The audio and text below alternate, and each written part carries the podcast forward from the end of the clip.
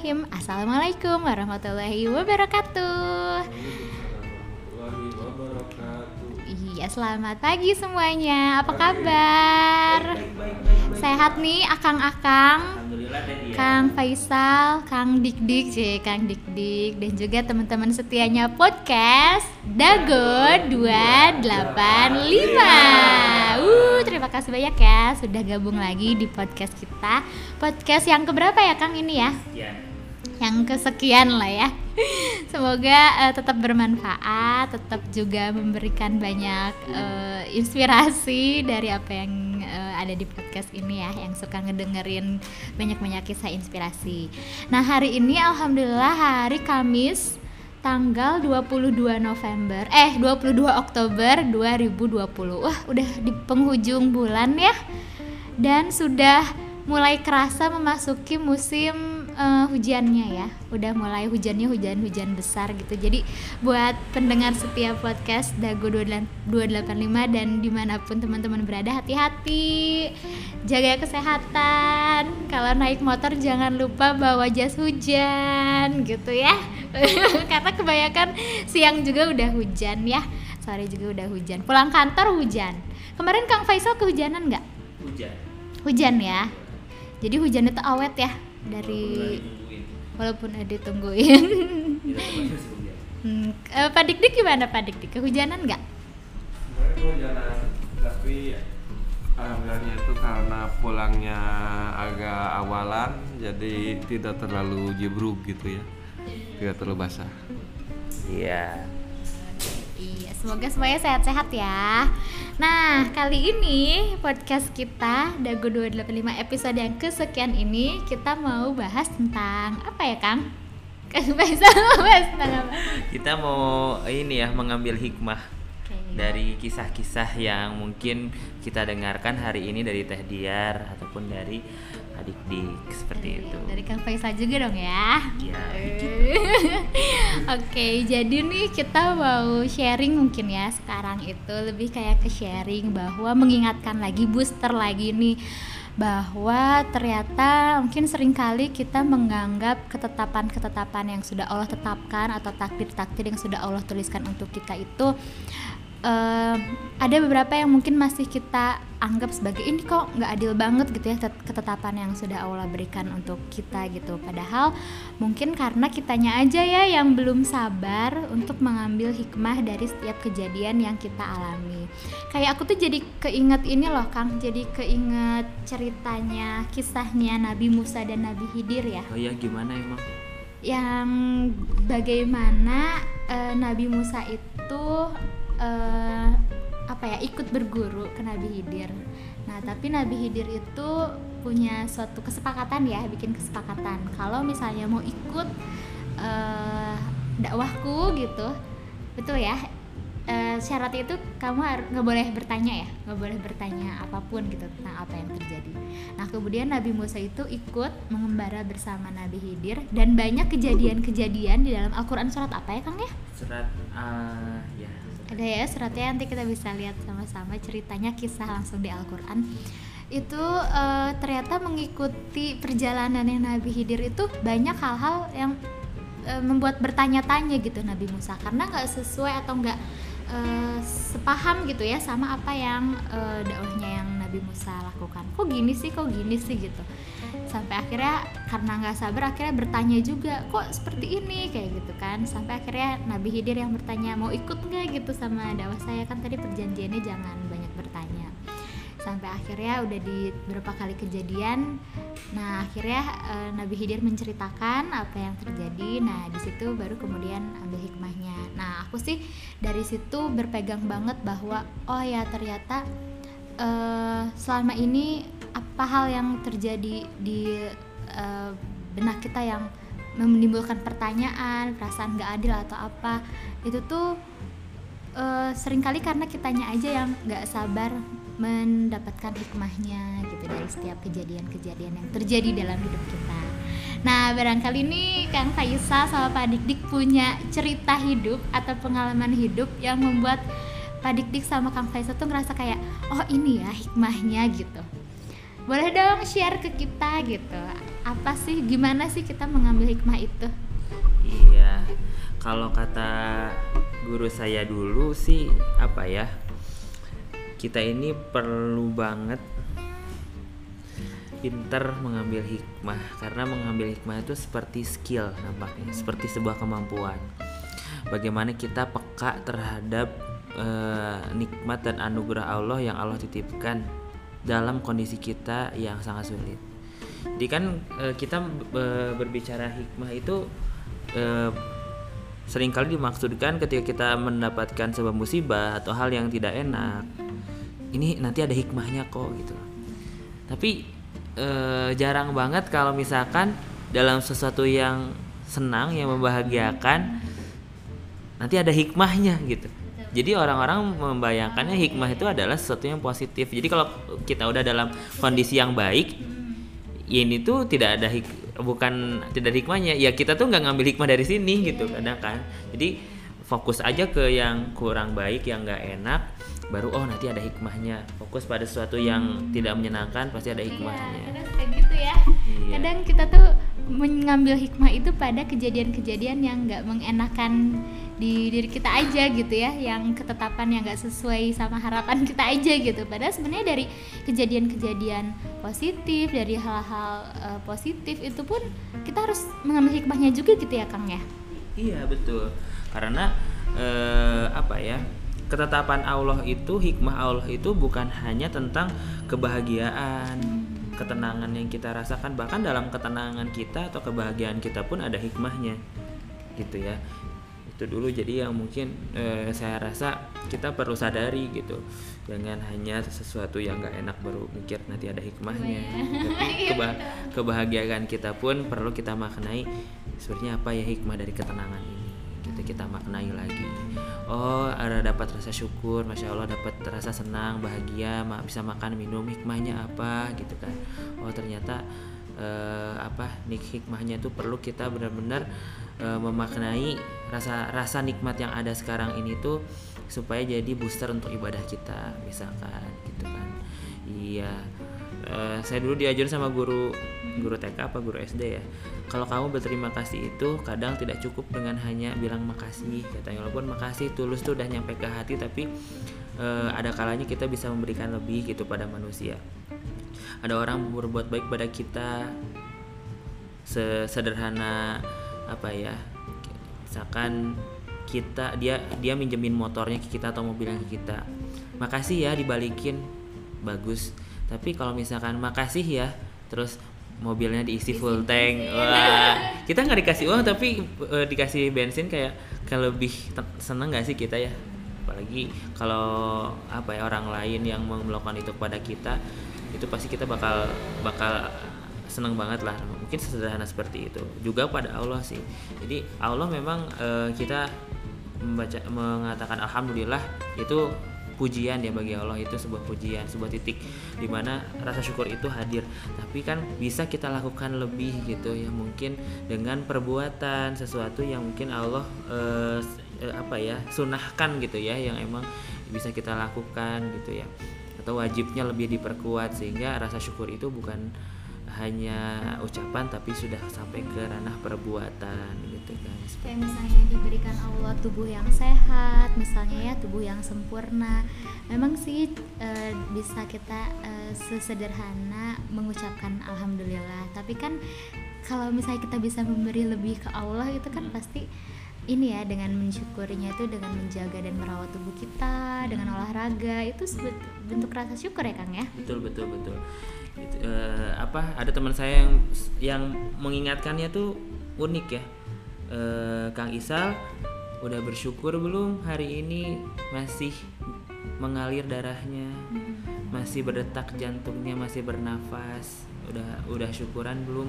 Uh, udah makasih belum ke Allah? Kalau udah ditingkatin lagi kalau belum lakukan dulu. Seperti itu. Jadi ya baik lagi ke, lagi ke, ke hikmah iya.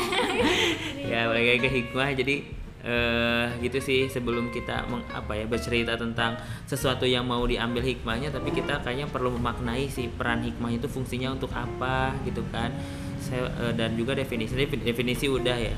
Hikmah itu ya eh, bisa dibilang itu tuh hmm, sudut pandang di mana memang eh, Allah itu terlibat di sana gitu kan dan segala sesuatu yang Allah lakukan itu insya Allah ada hikmahnya kepada kita fungsinya adalah untuk bisa meningkatkan rasa syukur sih gitu hikmah itu kalau Oh, itu misalkan kaitannya. Mm-mm, gitu. Kalau misalkan kita kurang bersyukur, kita perlu lebih pinter-pinter mengidentifikasi ini hikmahnya apa gitu kan. Kadang ada orang yang sulit banget ngambil hikmah akhirnya ketika dalam kondisi terburuk sekalipun dia akan mudah banget tergoyah goyah hatinya akhirnya futur dan segala macam karena tidak dikembalikan lagi kepada Allah yang berikan eh, nikmat walaupun kecil gitu kan ya padahal Allah kan janjinya eh apa walana nakum bisyai'im minal khaufi waju wa naqsim minal amwal wal anfusi was samarat wabasyiri sobirin.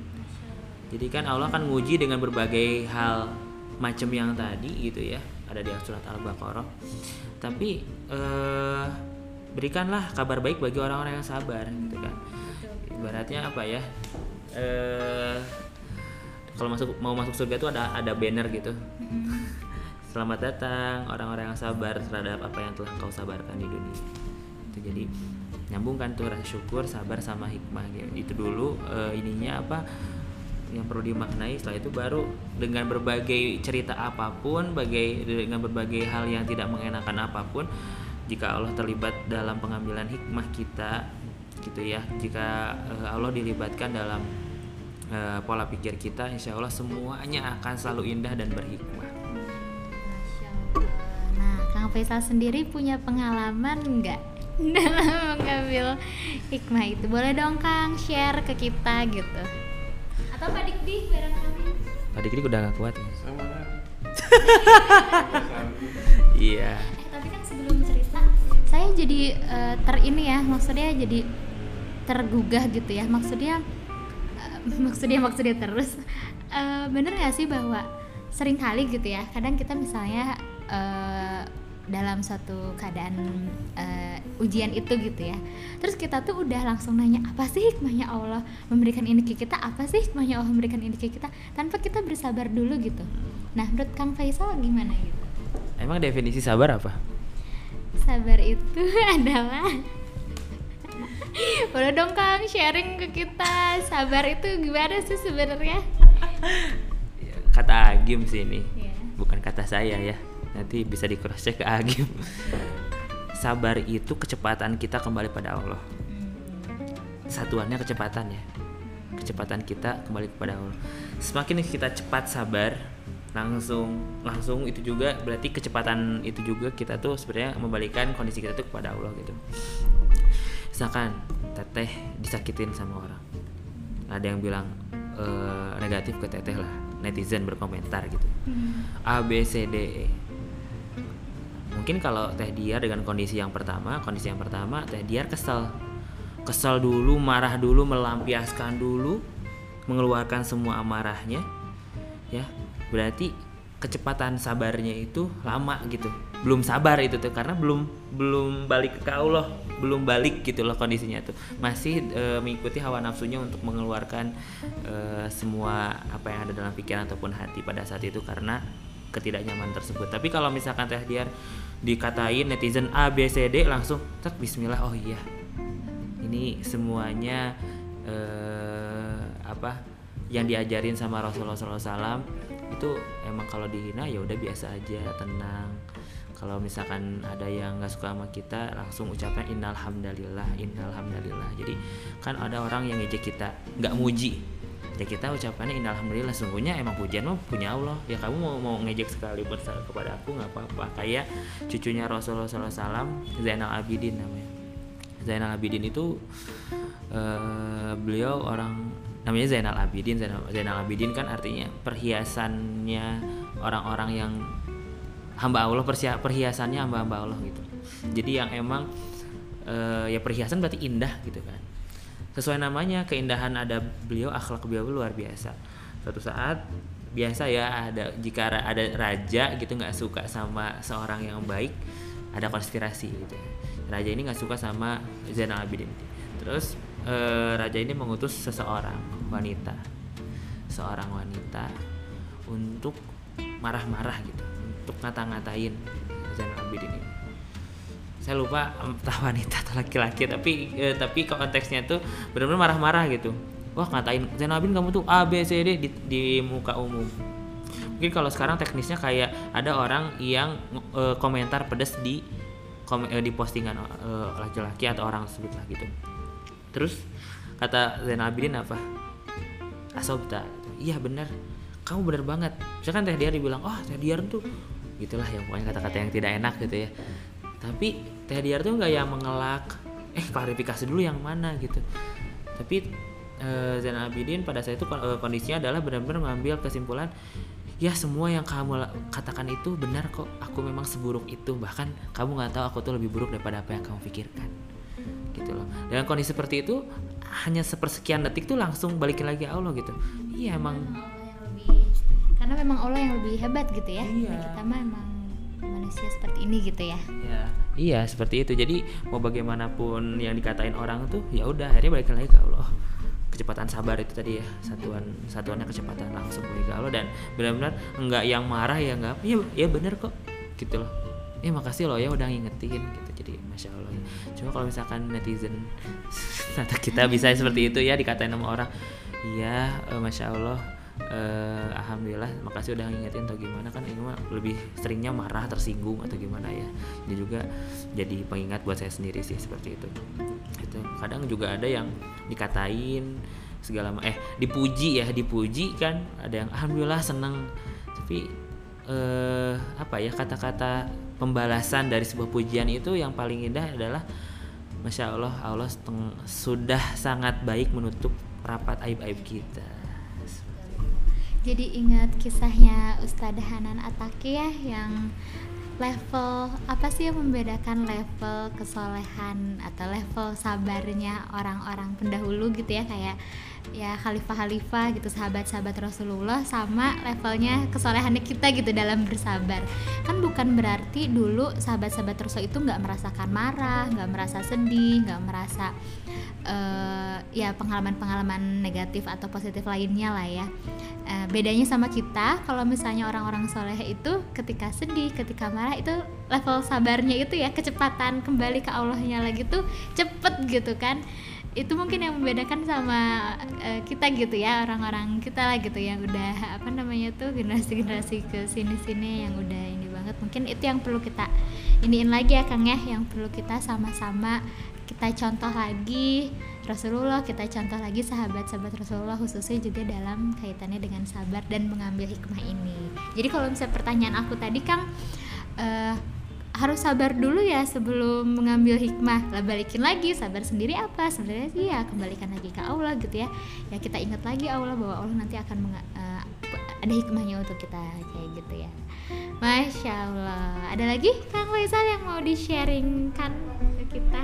Ini ada adik dik yang sedang merenung di sini.